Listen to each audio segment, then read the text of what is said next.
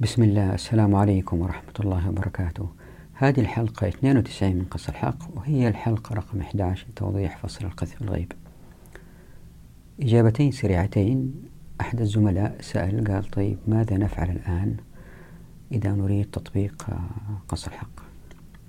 طبعا إيماني أن العقل البشري قاصر فصعب علي الإجابة لكن أبديت وجهة نظري تجدوها في الحلقة 18 من قص الحق. وفيها وجهة نظر وقد تكون سديدة لا تكون سديدة لا أدري. هي قابلة للأخذ والعطاء لكن بالتأكيد إحنا الآن في المرحلة الأولى ألا وهي نشر الوعي بحقوق الناس. وهذه اللي بحاول أسويه أنا وبعد كذا الأمور تتضح إن شاء الله أكثر وأكثر بقناعات ناس أكثر وأكثر بتطبيق الشريعة كما أنزلت أيام الرسول صلى الله عليه وسلم. عندها إذا اقتنعنا تظهر أصوات يمكن أفضل مني في إيجاد الحل الأمثل. فياريتكم ترجعوا لهذه الحلقة هي الحلقة 18 من قصة الحق. ملحوظة أخرى بعض الإخوان فهموا أني أنا قلت أنه في الحلقة الماضية ما نحتاج حراسة للرسول صلى الله عليه وسلم لا أنا ما قلت كذا. اللي قلته أنا أنه الرسول صلى الله عليه وسلم لم يوجد جهاز إداري بوظائف لها مرتبات مالية ليقوموا بحراسته. فطالما أن حياة الرسول صلى الله عليه وسلم أولى من هؤلاء الحكام فاتباع السنة أولى في هذه المسألة. لكن هذا لا يعني عدم ظهور جماعات تتناوب لحماية الحاكم أو الخليفة.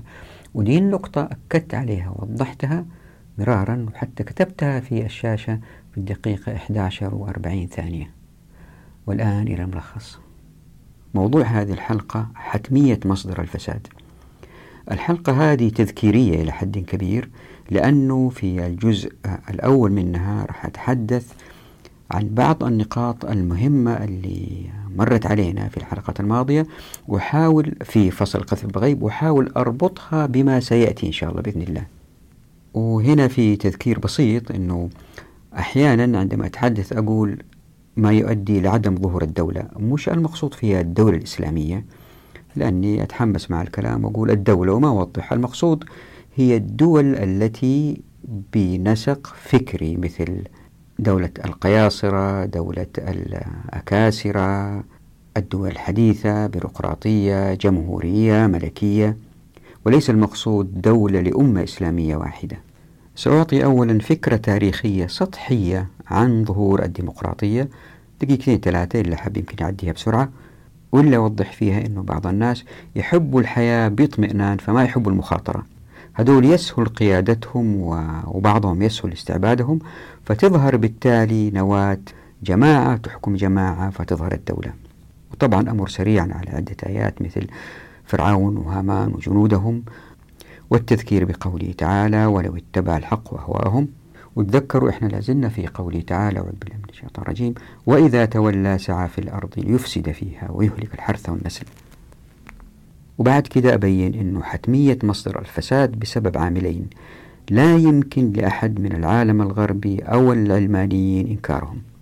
الأول هو الديمقراطية فالمجتمع البشري وصل إلى طريق مسدود أنه ما يمكن للبشر أنهم يحكموا بعدل إلا من خلال الديمقراطية واللي فيها ضرائب.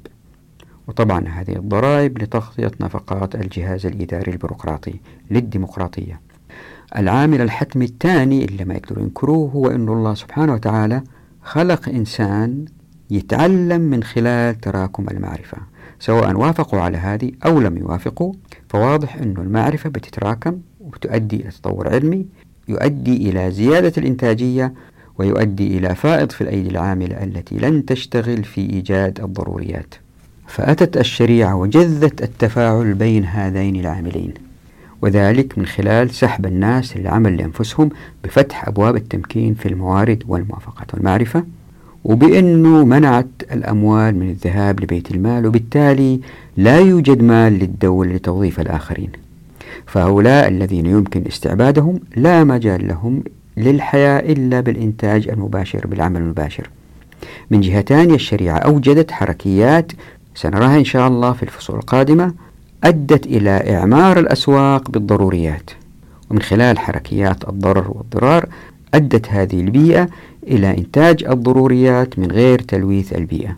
ناهيكم زي ما وضحت مرارا أن المصانع لن تلوث بسبب التركيبة الحقوقية في المجتمع المسلم. بعد كده أعرض لملخص لدراسات عن الفساد وبين كيف أن هذه الدراسات أثبتت أن تجاوزات المسؤولين على الأنظمة والقوانين مع المنتفعين أدت إلى زيادة الفساد والتلوث في الكرة الأرضية. يعني السياسيين والمنتفعين اجتمعوا مع بعض واتفقوا على المجتمع لسرقة المجتمع. فالسياسيين والبرلمانيين ورجال الشرطة والقضاة والمحامين ورجال الجمارك كل هذول يتفاعلوا مع أصحاب رؤوس الأموال فينتشر الفساد. فبدل تطبيق القانون أصبح القانون أداة قانونية للفساد. بعد كده أضرب أمثلة من العالم العربي والهند لتوضيح هذه المسألة. ثم أذكر بعض الحركيات التي تمنع تمركز المال والسلطات عند الأفراد والتي تؤدي إليها الشريعة عكس ما تفعل النظم الغربية. ذلك أن تمركز المال والسلطة عند أيدي أقل سيزيد من سرعة الفساد. فنمر على عدة آيات مثل قوله تعالى إلا أن تكون تجارة عن تراض منكم. نمر على هذه الآيات مرور سريع لأنه لها فصل كامل للتوضيح وهو فصل الفصل والوصل. زي ما قلت هذه الحلقة هي للتذكير للربط باللي راح وباللي سيأتي إن شاء الله. بعد كده أبين أنه الفساد وصل حتى للبحث العلمي. وبكده بدل تركيز الناس على تطوير المنتجات لأنهم مشغولين بتصنيع ما يمكن أن يتاجروا به مع الآخرين. بعضهم منشغل بالتركيز على التحايل والتلاعب والنفاق للوصول للمال. بعد كده ننظر لعدة آيات عن سوء المنقلب وبين أن الحكم بغير ما أنزل الله يؤدي للفساد. واستنتج ليه أنه هذا حتمي. وذلك من خلال منقلبين. فأثير السؤال لماذا البشرية متشبثة بالرأسمالية في الإنتاج؟ وبين أن الجواب لأنهم خلطوا بين منظومات الحقوق والتقدم العلمي الذي أدى لزيادة الإنتاج. فهم لا يرون أن تقييد أفراد المجتمع بالأنظمة والقوانين يؤدي إلى مآسي الطبقية. فالأهواء المؤدية لسوء المنقلب لم تمكنهم من رؤية الحلول. لمآسي التشابك المقيت ما أدى للأنظمة والقوانين ومن ثم البيروقراطية وبالتالي الهدر والتلوث. وهنا أسأل سؤال هو إن كان التقدم الإنتاجي زي ما إحنا شايفين الآن في الغرب هو من شركات وأفراد. مثلا ستيف جوبز هو فرد ولا بعده ظهرت شركة أبل اللي أبدعت على مستوى الكرة الأرضية. فلماذا ننسب هذا الإبداع الإنتاجي للنظام الحقوقي الذي تتحرك تحت الرأسمالية؟ طبعا جوابهم هو المظلة المجتمعية الحقوقية التي تعدل بين الناس والتنافسية التي توجدها ستزيد الجودة وستفرز المبدعين الذين يتقنون الإنتاج. وبالتالي الإسلام لابد أن يؤدي للتخلف الإنتاجي. فأبين المنقلب الثاني ألا وهو أنه برغم أن البعض ينتقدون الرأسمالية في المستوى الفكري البحثي فقط إذ لا حول لهم ولا قوة لكن القناعة عند السواد الأعظم هي بالرأسمالية في ظل الديمقراطية. فكان تجاهل الربط المباشر بين منظومات حقوقهم والفساد والتلوث البيئي. وكان هذا بقناعة تدفعهم دائما للتحرك جماعيا لاستحداث نظام مجتمعي بديل ولا يمكن ينظروا للإسلام. وهذا أدى للمقلب الثاني ألا وهو حيرتهم بين الكفاءة والعدالة. يعني في ميزان بين الكفاءة والعدالة لم يستطيعوا الوصول إليه ألا وهو زي ما قلت في الأول في فائض إنتاجي بسبب التقدم المعرفي. كيف نقسم هذا الفائض الإنتاجي المتمثل في الزيادة المالية؟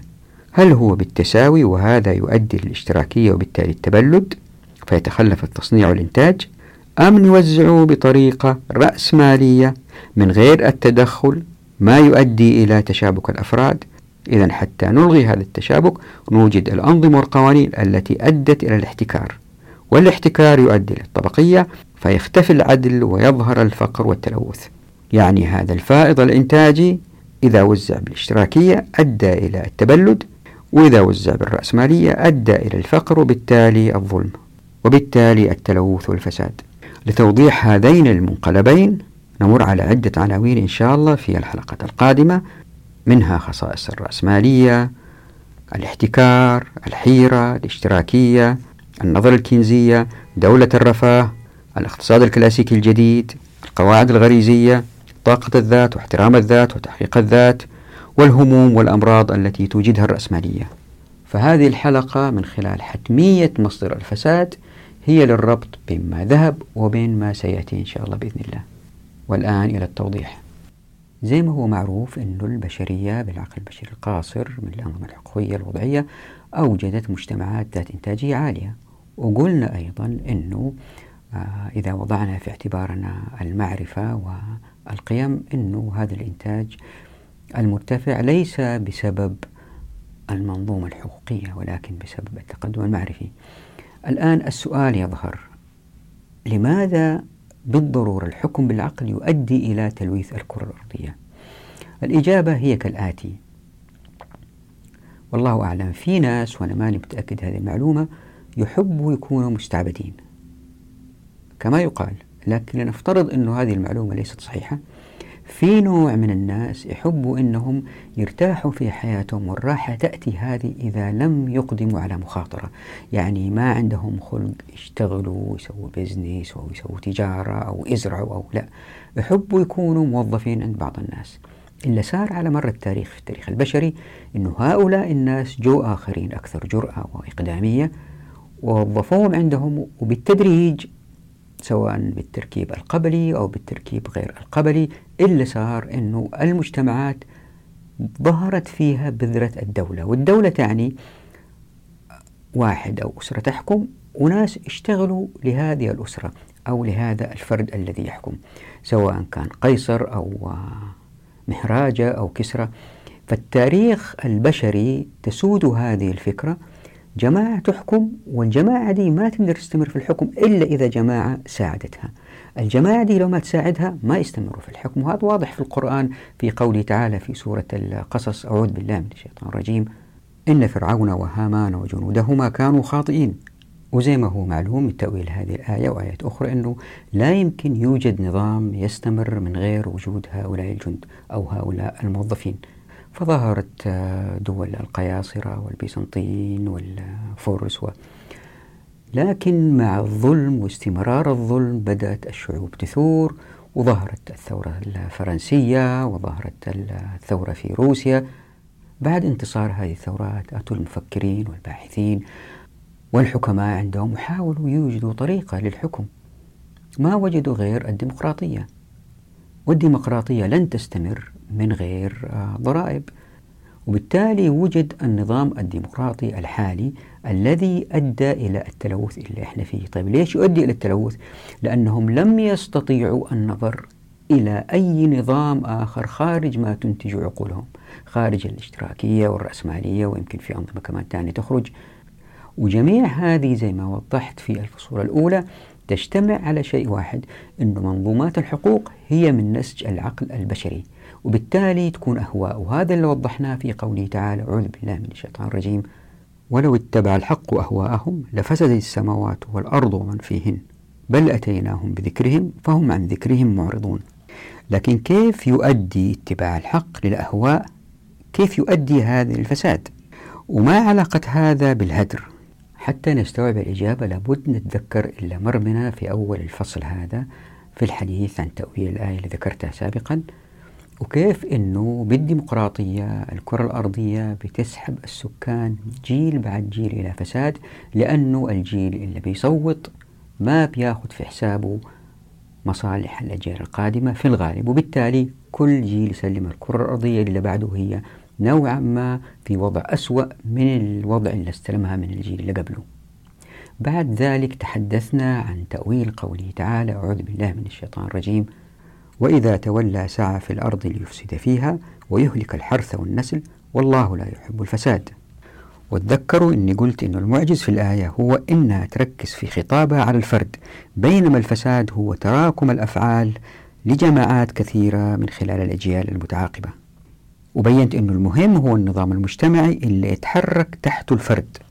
وبعد كده بينت الخطابات المختلفة التي أتت بها الشريعة والأفعال التي ستؤدي للفساد من خلال هذه الخطابات. الآن أحاول أجمع السابق هذه اللي تحدثت عنه من الحلقات الماضية مع الهدر.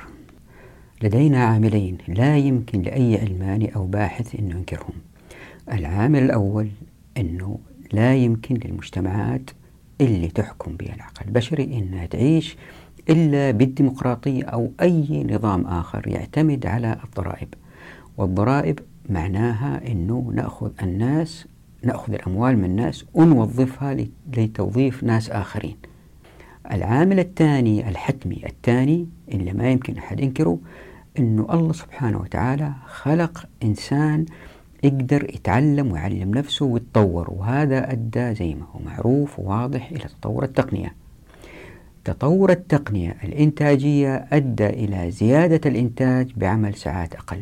يعني في في المجتمعات البشرية ناس يمكن نستغني عنهم لإنتاج الضروريات اللي يحتاجوها عموم أفراد المجتمع. هؤلاء الاثنين امتزجوا مع بعض فصار في فائض من الناس اشتغلوا لدى الدولة. وبكذا عندما ظهرت الدولة وظهرت معها الطبقية لأنه الدولة من خلال الأنظمة والقوانين بتضع القوانين اللي يمكن تسكر الأبواب بالاحتكار وحتى إن فتحتها لأنه الأنظمة والقوانين التي تؤدي إلى هذه الطبقية أدت إلى تفاعل زي ما إحنا شايفين الآن في الأسواق في كماليات وزي ما إحنا شايفين في البيئة في تلوث. فما في مخرج من هذه الإشكالية لهذا التمازج بين هذين العاملين الحتميين إلا أنه جذ التفاعل بينهم وهذا اللي تسويه الشريعة. وذلك من خلال سحب الناس من العمل للدولة إلى العمل لأنفسهم أكبر عدد ممكن من الناس. وذلك من خلال فتح أبواب التمكين في الموارد والموافقات والمعرفة. وهدول القلة اللي يمكن يحبوا الاستعباد ويحبوا يشتغلوا الدولة الدولة ما عندها أموال لأن الشريعة قفلت الأب الأبواب أو الروافد التي تأتي بالأموال للدولة زي ما شفنا في فصل الأموال ودولة الناس. وحتى نثبت هذا أخذنا أصعب حاجة اللي يمكن واحد يقول والله لابد من الأموال لبيت المال حتى الأمة تدافع عن نفسها وحتى هذا الباب وجدناه مسكر. ليه؟ لأنه العمل العسكري عبادة وليس وظيفة. وعندما فتحت الأبواب للتمكين للناس ولأنهم تقاربوا في الدخل ظهرت الضروريات أكثر وأكثر أكثر فالفائض المالي اللي يمكن يكون عند الناس سحب السلع بسرعة من الكماليات إلى الضروريات. والكماليات اللي ما يحتاجها البشر إلا بيصير إنه بيقل إنتاجها. وهذا باب أول لتخفيض التلوث إنه البشر برغبتهم وليس رغما عنهم بيعيشوا على الضروريات التي هي أكثر في العدد من مجتمع ثاني ينتج ضروريات وكماليات وحاجيات. وهذه الضروريات لما تنتج تنتج بطريقة لن تلوث البيئة. ليه؟ لأنه زي ما قلنا مستحيل الناس يلوثوا أنفسهم لأنهم هم الملاك للمصانع. بينما في النظم الوضعية مع الديمقراطية لأنه في دساتير وهذه تنبثق منها أنظمة وقوانين وهذه تصير بعدين حقوق وتنفيذ هذه الحقوق يكون في أيدي ناس بالتالي مش لا نضمن أن كل الناس يكونوا في نظافة عالية لا يمكن رشوتهم. وبالتالي يظهر التلوث البيئي. يعني جاءت الشريعة جذت هذا التفاعل اللي يمكن يصير بين احتمالية ظهور الدولة وبين المعرفة الزايدة بالضرورة أنه الله سبحانه وتعالى خلق عقل بشري فذ.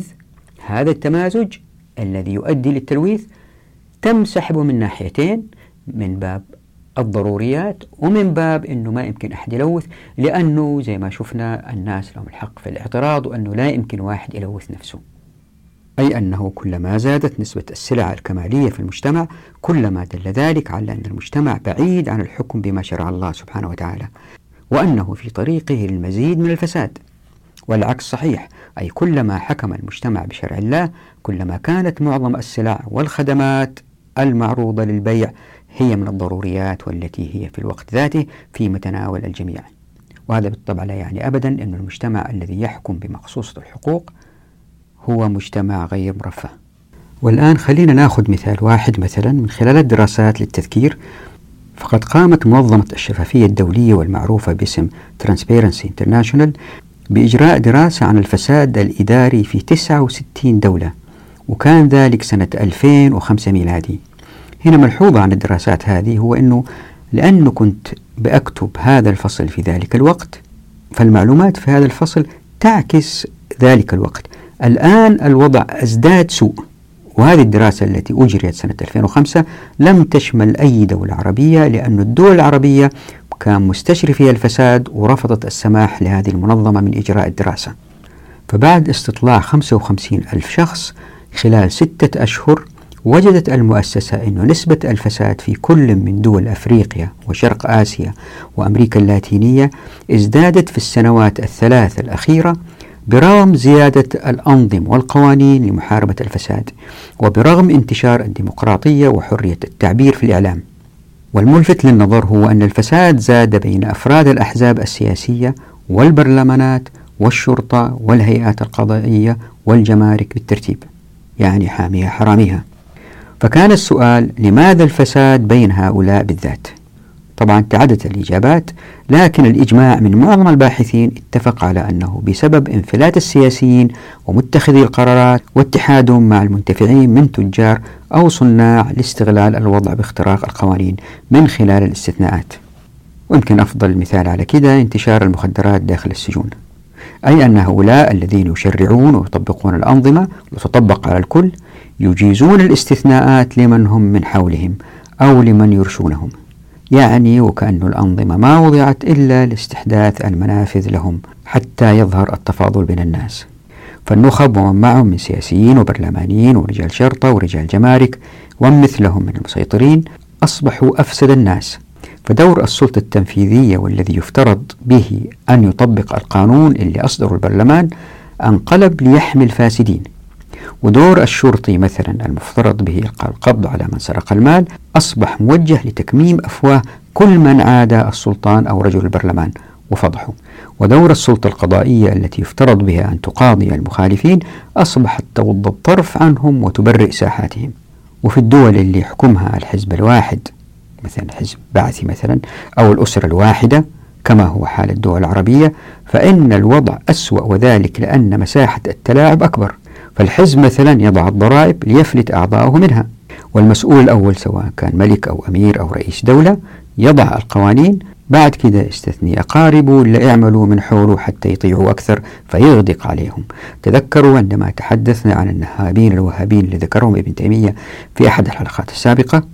يعني الدول العربية أصبحت كأنها مزارع للسلاطين وذويهم. لهم أن يفعلوا ما شاءوا.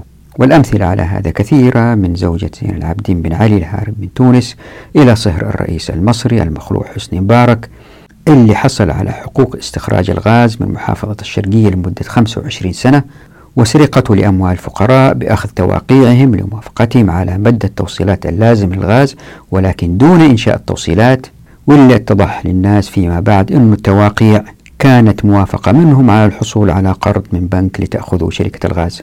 ليه؟ لأنهم ما يقرأوا وبالتالي تحمل الناس الديون اللي حاولوا الخروج منها بعد الثورة. فشوفوا الفساد فين وصل حتى إلى أموال الفقراء القليلة. ناهيكم عن سرقة مادة حيوية لا غنى عنها وبكميات هائلة لبيعها للمؤسسات والشركات. واللي حب يشوف الحاشية رقم 28 وضعت مثال مؤلم لصفقة أسلحة مؤثرة. والآن خلينا نضرب مثال آخر من غير العالم العربي. فقد ظهر تقرير سنة 2006 عن الأثرياء والتجارة بالفقراء في الهند ملخصه أنه برغم أن الهند هي أكبر ديمقراطية في العالم من حيث تعداد السكان إلا أن الأسر التي في الحكم هي التي تمسك بزمام التجارة والمصارف وجميع صمامات المجتمع الأخرى المهمة. وهذه الأسر تعرف بعضها بعض ويتقابلوا في المناسبات مثل حفلات الزواج ويتعارفوا فيما بينهم وتتم معظم الصفقات والاتفاقات بين متخذي القرارات والتجار. فعلى سبيل المثال فإن الحكومة الهندية لا تزال تشتري مادة الدي دي تي المبيدة للبعوض وترش برغم وجود بدائل مثل وضع سمكات لأكل يرقات البعوض في الماء. فالحكومة الهندية لا تزال مستمرة في الشراء لأن إيقاف ذلك سيضر بأكبر مصنع للمبيد الحشري اللي طبعا يملكه واحد من المتنفذين. وبرغم أن البعوض أوجد مقاومة لمادة ال DDT وبرغم أن الحكومة تعلم ذلك وتعلم أنه بالتالي علاج غير فعال لكنها مستمرة في الشراء. وبرغم أنه ثبت علميا أن الطرق البديلة أفضل لكن الحكومة الهندية تستمر في رش المبيد الذي يؤثر سلبا على السكان والأطفال. علما بأن ضحايا مرض الملاريا اللي يزيدوا عن 3 ملايين في ازدياد كل عام. وهذا التقرير يعزو دائما أن هذا الفساد الإداري المستمر هو بسبب التعارف والتداخل وتبادل المصالح بين علة القوم. فأبناء وأقارب السياسيين مثلا يحصلون على التصاريح والامتيازات بقطع الأشجار للحصول على الأخشاب للتصدير لآجال تصل إلى عشرات السنوات. ومقابل ذلك هؤلاء الحاصلون على مثل هذه الامتيازات يعدون الفقراء التي بها الغابات ببناء المدارس والمستشفيات مقابل هذا الاستنزاف لأشجارهم إلا أنهم لا يوفون بوعودهم يعطوا لزعماء الفقراء المسكرات لإغوائهم وإفسادهم. وفوق كل هذا فإن هؤلاء الاستغلاليين يودعون أموالهم في بنوك خارج الهند فلا يستفيد منها الاقتصاد الهندي. ويمكن أي واحد منكم يفتح الإنترنت ويبحث عن الوثائق التي تثبت فساد هؤلاء الذين في السلطة فقط لأنه عندهم المال وعندهم التصاريح وبيدهم الأنظمة والقوانين يلعبوا فيها. لهذا أتت الشريعة بقفل جميع هذه الأبواب حتى لا يظهر هذا الفساد المطلق. وزي ما شفنا في الفصول الماضية كان هذا من خلال منع الأموال أنها تصل للحكام اللي هم مسيطرين على بيت المال زائد فتحت الأبواب للناس أنهم يأخذوا المعادن من فوق الأرض من تحت الأرض. أعطتهم حق الإحياء للأراضي أعطتهم حق إنشاء المصانع من غير موافقات. كل هذه تجتمع وأشياء كثيرة سنأتي عليها إن شاء الله. تجتمع حتى تمحق هذه السلطة المركزة في يد هؤلاء الحكام. بالإضافة إلى منع تمركز الأحكام السلطة الحقوق والمال في أيدي المسؤولين. الشريعة. أيضا نظرت للأفراد. نجد دائما أنها من خلال الزكاة من خلال حث الناس على آه، الصدقات. انفقوا انفقوا انفقوا. تحث الناس دائما على الإنفاق وبالتالي لا يتمركز المال عند الأفراد. والأهم من هذا إذا نظرنا مثلا إلى المواريث فالإسلام ليس كالشرائع الأخرى التي تبيح للابن الأكبر أن يأخذ كل الأموال وفي الوقت ذاته المتوفي لا يستطيع أن يوصي بجميع أمواله لأحد أبنائه أو أخوانه اللي يكون وهذا لا يؤدي إلى تمركز المال في عند الأفراد. وسنأتي على حركيات أخرى أيضا إن شاء الله بإذن الله في الفصول القادمة.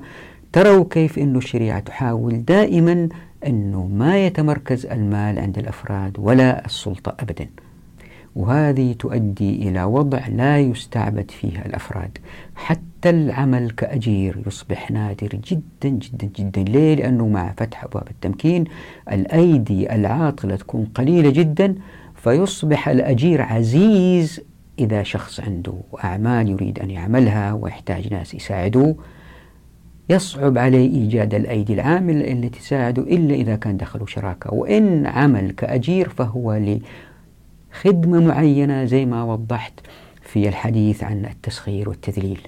يمكن يعمل واحد كأجير مدة شهر براتب شهري أو سنوي اللي يكون لكن هذا نادر جدا ويكون الأجير عزيز جدا لأنه في حاجة له مع عدم وجود بطالة.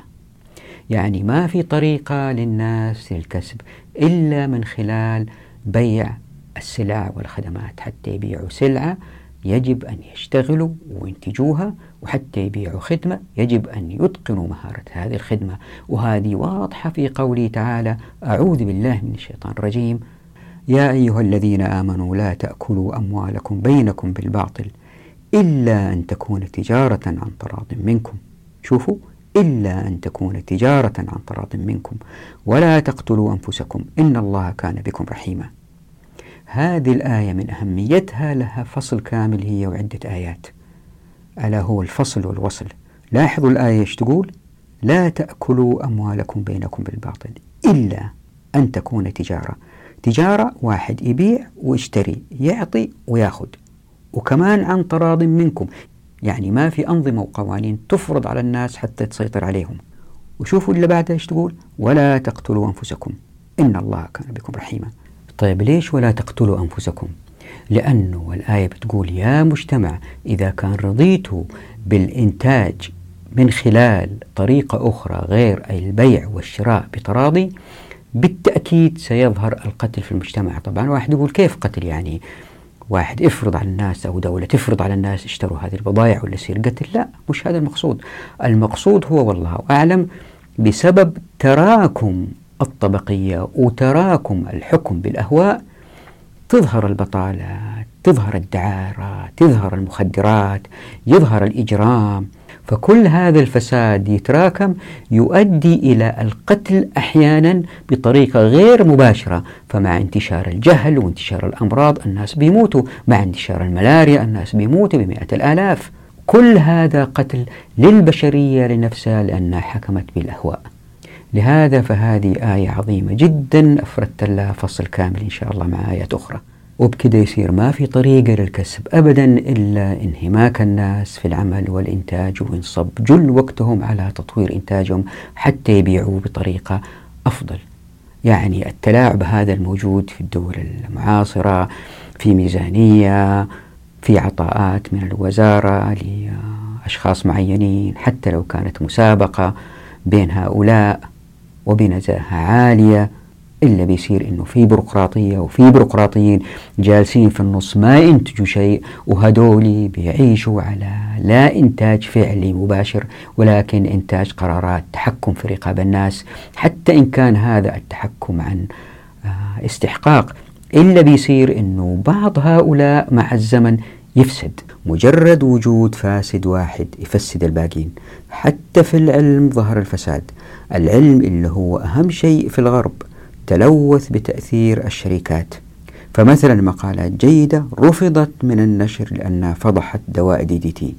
وفي مقالات هايفة أخرى تقبل للنشر. وضعت هنا في الشاشة صفحات من مقالة وضعت رابطها أسفل الصفحة عن الفساد في العلم. فالعلماء عارفين الفساد. لكن الكل ما هو راضي فيه وتأفف منه وما هم عارفين كيف يتخلصوا لأنهم ما هم قادرين يتخلصوا من فكرة أنه في دولة واحدة تأخذ أموال من ضرائب وتدير شؤون الحياة لأنهم بيحكموا بأهوائهم ما بيحكموا بمقصوصة الحقوق. فتظهر آلاف الطرق لكسب المال من غير الإنتاج المباشر واللي هي البيروقراطيات داخل الدولة وداخل الشركات. يعني بدل ما الأفراد يركزوا على تطوير منتجاتهم لأنه هي وسيلتهم للكسب. يمكن نسبة في المجتمع يركزوا في تطوير الخداع والنفاق والتزلف والأنظمة والقوانين للاحتيال وبالتالي يزداد الهدر. ليه؟ لأنه في طريقين لهم. قلنا أنه مصانع تلوث وأنه البيئة الإنتاجية تنتج كماليات ما يحتاجها المجتمع بالضرورة وهذا بالإضافة إلى أفكار أخرى ستأتي إن شاء الله يؤديان إلى تلويث الكرة الأرضية. وفقط للتذكير للآية المهمة التي تحدثنا عنها سابقا في سورة الزخرف أعوذ بالله من الشيطان الرجيم. أهم يقسمون رحمة ربك نحن قسمنا بينهم معيشتهم في الحياة الدنيا ورفعنا بعضهم فوق بعض درجات ليتخذ بعضهم بعضا سخرية. ورحمة ربك خير مما يجمعون. وزي ما قلت سابقا الآية تتحدث عن التسخير وليس التذليل. وهذه الآية كما ذكرت سيأتي توضيحها إن شاء الله في فصل الشركة. ففي الآية هذه مؤشر واضح أن كل ما زادت في المجتمع نسبة الموظفين والعمال الذين لا يملكون المؤسسة الإنتاجية التي يعملون بها كلما ازداد الاستعباد في المجتمع. وظهرت الأمراض زي ما راح نشوف إن شاء الله بإذن الله. أي أنه كلما اتضحت الخطوط الفاصلة بين الطبقات الإنتاجية كلما دل ذلك على الاستعباد كما تشير الآية. هذه طبقة عمالية ماهرة وتلك طبقة أقل مهارة وتعمل في النظافة. أولئك يعملون لدى السلطان. أولئك يعملون في البرلمانات. وهؤلاء ملاك عقارات. وأولئك ملاك أسهم بنكية. وهكذا. وقال تعالى في سورة البقرة أعوذ بالله من الشيطان الرجيم. الذين يأكلون الربا لا يقومون إلا كما يقوم الذي يتخبطه الشيطان من المس. ذلك بأنهم قالوا إنما البيع مثل الربا وأحل الله البيع وحرم الربا. فمن جاءه موعظة من ربه فانتهى فله ما سلف وأمره إلى الله. ومن عاد فأولئك أصحاب النار هم فيها خالدون. هذه الآية إن شاء الله زي ما راح أثبت لكم إن شاء الله. تريكم أن أي علاقة اقتصادية إن لم تكن بيع لسلعة منتهية الإنتاج أو خدمة واضحة الملامح للطرفين فإنها علاقة سيدخل فيها الغرر والغبن لأحد الطرفين لا محالة وأن أعلى مراتب الغبن هو الربا وهذا سيؤدي للمزيد من الهدر. هذه إن شاء الله نبينها في الشركة والفصل والوصل ومعظم العلاقات الإنتاجية المعاصرة مبنية على الربا وهذا يزيد من طبقة المنتجين الذين لا يملكون فتزداد البيئة الفاسدة خصوبة للمزيد من الفساد. ولمحق هذا الفساد كان الخطاب القرآني موجها لثلاث جماعات كما ذكرت. تذكروا الخطاب القرآني في حلقات ماضية وقلنا أنه في جماعة مسلمة وجماعة كافرة وجماعة منافقة تعيش بين المسلمين. وذلك حتى تظهر تركيبة اقتصادية سياسية اجتماعية للمجتمعات تبيح إيجاد حلبات الصراع بين الحق والباطل. فينتشر الحق بعد مقارنته بالباطل ويتقبلون الناس وبكذا يندحر الباطل. وهكذا من المقارنة بانتشار الحق لعدة أجيال سيظهر الإضمحلال للفائض المالي اللي كان ممكن الدولة تستغله في تسخير الأفراد للحكم بالأهواء فلا تظهر بالتالي الطبقة العمالية والطبقات الحاكمة وما شابه من طبقات تستنهك دون أن تنتج. وعلى العكس من هذا بعدم التسخير مع تطبيق الشريعة ستكون جميع السلع والخدمات من الضروريات وفي متناول الجميع لأنهم متقاربون في القوة الشرائية فبالتالي تنتشر القناعة. يعني باختصار المسألة دائرية. تبدأ بعدم الحكم بما شرع الله فتقفل أبواب التمكين فتظهر البطالة التي تسخر لخدمة الطبقات فتنتشر المنتجات الكمالية وتزداد النفوس لهفة للمزيد من التمتع بالمزيد من الاستهلاك الكماليات وتحاول بالتالي الحصول على المزيد من المال بمزيد من التسخير للناس وعندها ستوجد الأنظمة والقوانين للمزيد من التسخير وفتح المزيد من أبواب التمكين لمن هم أقوى وأثرى وظهور المزيد من الكماليات المؤدية للتلويث بسبب التصنيع لما لا حاجة له. وللمزيد من الاستهلاك المترف مع وجود مئات ملايين الجوعى. وهكذا من جيل مفسد لآخر أكثر فسادا في الأرض. قال تعالى في سورة الشعراء أعوذ بالله من الشيطان الرجيم. وسيعلم الذين ظلموا أي منقلب ينقلبون. وقال في سورة الأنفال ويمكرون ويمكر الله والله خير الماكرين.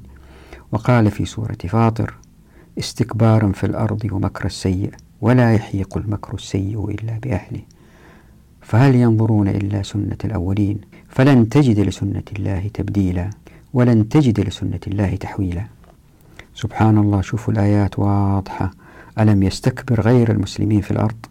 ما أعتقد أن الرأسمالية والديمقراطية هي الطريق الأوحد للحياة الأمثل.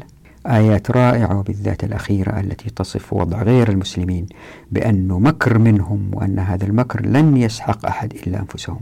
فسنة الله الحق سبحانه وتعالى واضحة في من سلف ولن تتبدل.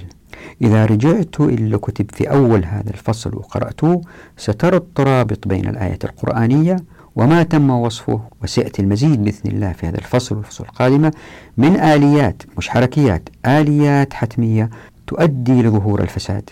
والعجيب أن هذا الفساد الحتمي لا يريد غير المسلمين وأتباعهم من العلمانيين رؤيته.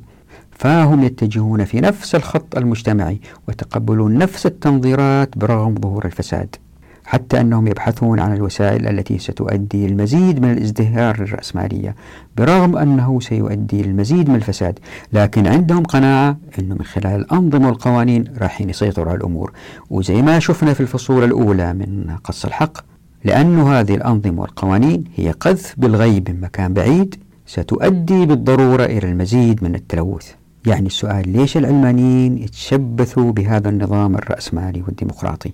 وهم شايفين بعيونهم أن كل ما زادوا الأنظمة والقوانين بتزيد تقييد بعض الناس وتزيد إطلاق الآخرين.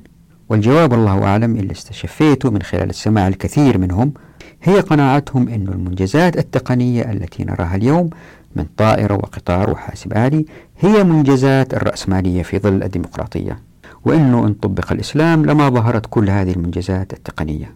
وهذا زي ما حاولت أوضح ما هو صحيح صحيح أن الحداثة أدت إلى تسريع التقدم المعرفي وذلك بإبراز أهمية العلم والاحتكام للعقل مقارنة بما كان قبل الثورتين الفرنسية والصناعية. وصحيح أن الحداثة ضمنت الحقوق لكل من أبدع وأنجز وصنع وتاجر إلا أنها زي ما وضحت في الحلقة الماضية قيدت أفراد المجتمع من خلال الأنظمة والقوانين بسبب التشابك المقيت الذي لم تستطع التخلص منه. هذا بالإضافة إلى أنها ستؤدي للفساد زي ما وضحت. للمزيد من التوضيح خلينا نسأل السؤال الآتي. إن كان كل منتج تقني هو من ابتكار أو تطوير فرد أو جماعة كشركة أو مؤسسة وليس من الدولة أو مؤسساتها في الغالب لماذا تتم نسبة التقدم التقني للرأسمالية والديمقراطية؟ هذا سؤال محوري. بالطبع ستكون الإجابة إذا كان واحد علماني أن الأفراد هم نتاج النظام المجتمعي الذي يشجع على المزيد من الابتكار والتطوير والإنتاج. يعني كأنه بيقول أن المسلم اللي يصلي في المسجد ويريد تحكيم شرع الله في كل شؤون حياته لن يكون منتجا ومبدعا وأن الدولة المسلمة إن حكمت بشرع الله ستؤدي بالمجتمع للتخلف يعني عندنا شقين أو طرفين. شق يخص الفرد ومبادرته وهمته وعزيمته وصفاء ذهنه ومستوى تعليمه وسلوكه البحثي. وشق يختص بالنظام المجتمعي من دولة ومؤسساتها ومن أنظمة وقوانين. بالنسبة للشق الأول زي ما راح تشوفوا إن شاء الله في فصل المعرفة الشريعة تؤدي إلى المزيد من الدفع للناس للابتكار وإلى المزيد من إشاعة المعرفة والعلم أكثر من أي نظام مجتمعي آخر لأنها باختصار تحرر أفراد من كل القيود.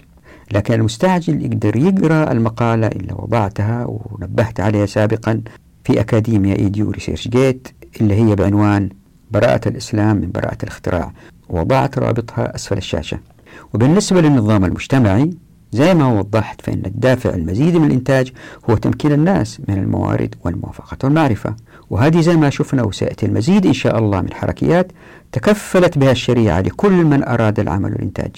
يعني تشبث العلمانيين بفصل الدين على الحياة غير مبرر أبدا إنهم حاولوا نسبة الإنجازات التقنية للرأسمالية أو للديمقراطية. وهذا المنقلب الأول. ليه؟ لأنهم لم يقارنوه بما يمكن أن يقدمه الإسلام بل قارنوه بإنتاج شعوب لم تطبق الإسلام تذكروا دائما أقول الأعور بين العمي مفتح. يعني العلمانيين وقعوا في فخ المقارنة بين ما أنتجه المجتمع الرأسمالي من غزارة إنتاجية مقارنة بالمجتمعات الأخرى كالإشتراكية فظنوا أن التقدم التقني هو بسبب الرأسمالية والديمقراطية وليس بسبب التراكم المعرفي والذي كان من الممكن أن يكون أكثر ازدهارا مع تطبيق مخصوصة الحقوق. وفي الوقت ذاته نسوا أن الاشتراكية كما في الاتحاد السوفيتي سابقا تمكنت من التقدم التقني. صنعوا صواريخ فهي قد خرجت بصواريخها للفضاء برغم أنها دولة ليست رأسمالية وليست ديمقراطية. وكذلك الصين الآن اللي هي في أنظمتها اشتراكية أمطرت المجتمعات الرأسمالية الغربية بالمنتجات برغم تعاسة السكان في الدول الاشتراكية. إذا وضعت كل هذه الأفكار مع بعض تستنتج سوء المنقلب الذي وقع فيه العلمانيين. ومن جهة أخرى العلمانيين لا يريدون أن يروا المفاسد التي تفرزها المجتمعات الحداثية بسبب التقدم التقني والذي ذلل أيضا لكل ما هو شرير وفاسد. وحتى تزداد قناعة راح نمر سريعا على بعض مآسي النظام الغربي والتي ما ظهرت إلا لأن المجتمعات تقدمت معرفيا في الإنتاج فظهر فائض في العمالة. فكانت الحيرة بين المنظرين في كيفية الاستفادة من هذا الفائض. وهذا هو المنقلب الثاني أي حتمية الفساد من خلال التسخير للمأجورين. فإن أعطي الفائض للناس لنقص الإنتاج لأن الكفاءة ستضمحل كما في الاشتراكية. وإن لم يعطى للناس فإنه لا عدل في توزيع الثروات لأن البعض يملكون آلاف ما يملكه الآخرون. أي أنهم احتاروا في ميزان العدالة والكفاءة وبعد ظهور الحدود القومية للدول ازداد الوضع سوءا لظهور نظريات اقتصادية تشد المجتمع من شرقه إلى غربه فكريا. فكانت النظرة الكينزية ونظرة الاقتصاد الكلاسيكي الجديد ودولة الرفاهية وما شابه من أطر اقتصادية المجتمعات. وهذه كلها راح نمر عليها إن شاء الله في هذا الفصل. وجميع هذه النظريات اتحدت تحت مظلة واحدة هي إصدار المزيد من الاستعباد للأفراد من خلال الشركات. وهؤلاء المستعبدون أنهكتهم التعاسة والأمراض. وهذه التي سيأتي إن شاء الله توضيحها في الحلقات القادمة. نقف هنا نراكم على خير وفي أمان الله ودعواتكم.